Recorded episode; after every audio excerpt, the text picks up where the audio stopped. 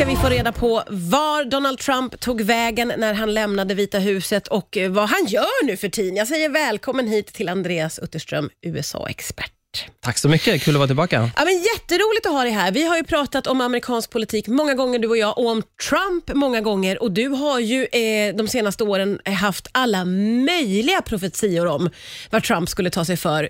Kan vi nu kolla facit lite grann, hur det har gått med allt som du har Ja, tyvärr har jag ju dåligt track record av att försöka vara Nostradamus, i synnerhet när det gäller Donald Trump. Så Ja. Jag har ju sagt här och på många andra ställen att efter han kliver av som president så kommer han skilja sig, Ja. han kommer starta Trump TV och han kommer bygga Trump Towers runt om i världen, företrädesvis i Moskva, kanske också i Pyongyang i Nordkorea. Och eh, av detta har ingenting hänt, så noll av tre Ja. för Nostradamus Utterström. ja, just det. Så hur känns det så här? Nej, men det, kän- jag är så van. Jag Ja. brukar alltid gardera mig när jag pratar om, om Trump på olika ställen, att eh, med detta sagt, vad jag nu har sagt, så eh, har jag haft fel om det mesta. Så att det, det, det är mitt sätt att komma undan. Ja, det är väldigt, väldigt smart. Men du, om vi kollar lite i backspegeln då. Var, var tog Trump vägen när han lämnade Vita huset? Han blev ju utslängd från eh, Twitter till exempel. Just det. Eh, och det är klart att det påverkar honom därför att han har svårare att nå ut. Eh, å andra sidan så är ju han ledaren för partiet fortfarande. Ja. Och Han har partiet i ett järngrepp. Han har ändrat hur man eh, pratar, hur man beter sig offentligt och man kan se att eh, många republikaner försöker bli någon slags mini-Trumps. Gäller inte alla, men speciellt från de delstaterna där han är populär. Mm. Så att bara för att han inte syns och hörs lika mycket i, i svenska medier och inte amerikanska heller, så betyder det inte att han har förlorat sin makt, eh, utan den, den består, skulle jag säga. Men det här med att Twitter rycktes undan från honom, det var ju en väldigt stor grej. Vad har han haft för plattformar eller hur har han kommunicerat då? Om han vill så kan han ju ge intervjuer i stort sett på sekunden i till exempel Fox News eller i Newsmax, som är en slags fattigmans Fox News.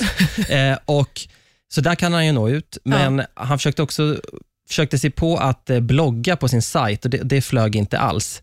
Eh, samtidigt är det ju så att det här med att han då som han skulle uttrycka det, blir tystad av etablissemanget är en fördel, för det stärker hans tes att alla är emot mig och mina väljare som står som är liksom vanliga amerikaner, eliten försöker tysta oss. Så att man kan säga att det stärker hans case faktiskt. Och hur ser hans följe ut idag då? Kan man, kan man se det? Eller kan man säga det? Det är svårt att mäta. Det, det som är väldigt tydligt däremot är ju att alla eh, andra republikanska politiker fortfarande förhåller sig till honom och när Trump eh, håller ett eh, valmöte eller syns offentligt så kommer det många och tittar. Så att det är ju ett tecken på att eh, han fortfarande har stark makt och vissa som, som väldigt gärna skulle vilja ställa upp och försöka bli Republikanernas kandidat 2024 har ju uttryckligen sagt att om Trump ställer upp så ställer inte jag upp och det talar sitt tydliga språk tycker jag. Ja, man är ju väldigt nyfiken på framtiden. Vad har Donald Trump på gång? Och Det är väl många väldigt nyfikna på. nu. Jag såg ju här om veckan att han skulle eh, vara boxningskommentator.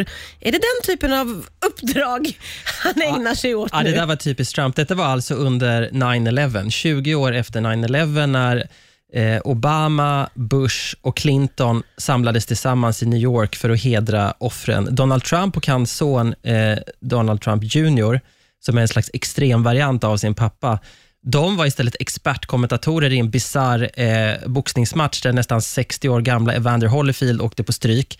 Eh, och där ku- kunde man då betala extra för att få höra deras kommentatorspår. Och Det var, var så absurt på något sätt, men ändå typiskt Trump att visa att jag gör väl som jag vill. Och eh, Jag tänker inte sitta där och, och liksom gnugga armbågarna mot Hillary Clinton som jag avskyr, utan det är väl inget fel att tjäna pengar. Eh, och Det kan man ju tycka att det här borde slå tillbaka och vara upprörande, men folk gillar ju att han är ärlig, ogenerad och Ja. gör precis som man vill. Det var ju en del av framgångsreceptet, så därför helt logiskt att han gjorde så här. Ja, ja, han fortsätter på samma spår helt enkelt. Det är inte konstigt. Eh, men framåt då? Eh, det blev ju inget, eh, ingen tv-kanal, har vi kunnat konstatera hittills i alla fall. Vad tror du att han kommer att ta sig för? Jag tror ju inte att han kommer ställa upp i presidentvalet. Du tror inte det? Nej, det som talas emot är att han riskerar att förlora. Att vara förlorare är det värsta han vet. Jag tror att jobbet var tråkigare än vad han hade trott. Det är inte militärparader varje dag precis. Och att han är mycket bättre som en slags opinionsbildare och frifräsare än vad han är när han hamnar i en position där han måste stå till svars för beslut han har fattat och sånt. När han är på defensiven är han inte lika bra tycker jag. Det som talar emot då, och det som talar då för att jag återigen har fel när det gäller Donald Trump, det är att han har hållit slags valmöten kan man säga och ska, ska hålla fler i viktiga delstater. Man kan se att han bygger en slags infrastruktur för att driva en valkampanj som att bygga ett storföretag på kort tid. Ja. Och eh, Dessutom är det så att om han vill bli partiets kandidat så finns det ingen som kan slå honom. Så det, det talar ju för, men jag tror ju att han är för rädd för att förlora och mer intresserad av att maximera sitt inflytande och slippa ta ansvar. Och Då tror jag nog att den här rollen passar bättre och då kan han dessutom tjäna mer pengar. Så det här som han håller på med nu då, är, som ser ut som ett förarbete inför att liksom ställa upp, det är mer för att eh, det är ett förarbete för sig själv han gör då, skulle du säga? Upprätthålla intresset. Vi sitter ju här och pratar om honom nu till exempel och innan han ställde upp eh, senast så var det väldigt mycket fram och tillbaka. Ska han, ska han inte, ska han, ska han inte?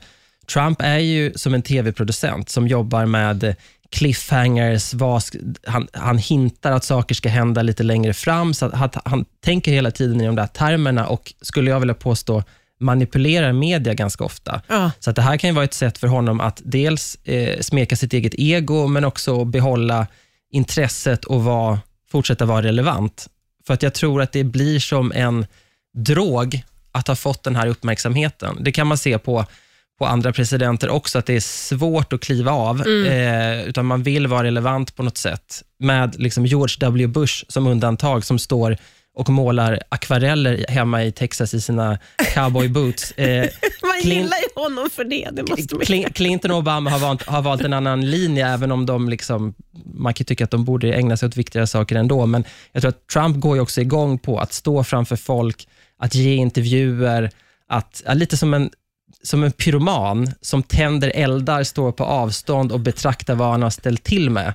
Eh, och eh, Jag tror att eh, det vill han fortsätta med, men frågan är då, blir det från Vita huset eller blir det från Mar-a-Lago i Florida? Anledningen till att man tar hit dig, Andreas Utterström, det är ju för att du jämför eh, den före detta presidenten med en pyroman. Och Nu är det ju ett tag sedan han lämnade Vita huset, men kan man se eh, redan nu vad han har lämnat för avtryck, tycker du Andreas?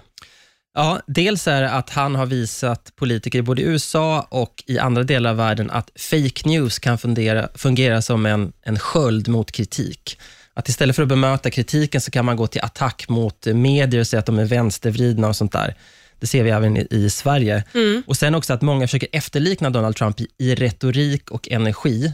Men det där går inte riktigt, för det finns bara en Donald Trump. Han är unik, men man ser många som försöker och mina ögon klingar det ganska falskt, därför att de kan inte fylla ut kostymen. Men det här är i USA? Det här är i USA, ja, precis. precis. Eh, och Sen tror jag också att, att han visade att du egentligen du kan komma väldigt långt genom att bara bygga dig själv och inte vara en del av ett parti. Tidigt, tidigare har det varit så att när man så att säga, har gjort sin värnplikt i partiet och matchas fram under lång tid, man kanske har varit senator i åtta eller mm. ännu längre år, mm. då, är liksom, då är man redo för att ta tätpositionen. Trump kom från ingenstans, Eh, byggde ett following, lite som andra bygger följare i sociala medier och liksom tog sen över partiet som en trojansk häst i, i en dator. Och Man kan se att, att en del av de hårt profilerade, framförallt republikanska, men även demokratiska politiker är mer sig själva än företrädare för ett parti.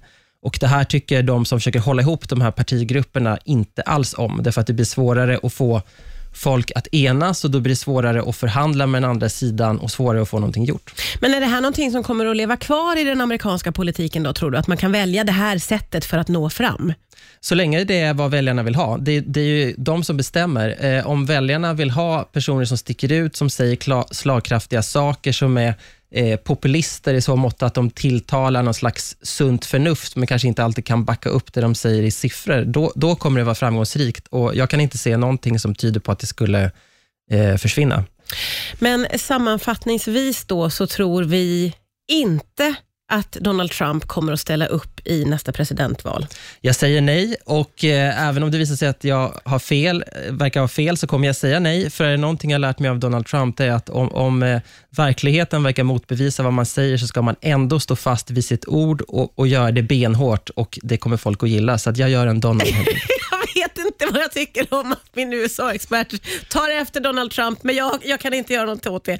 Andreas Utterström, tusen tack för att du kom hit idag. Tack så mycket.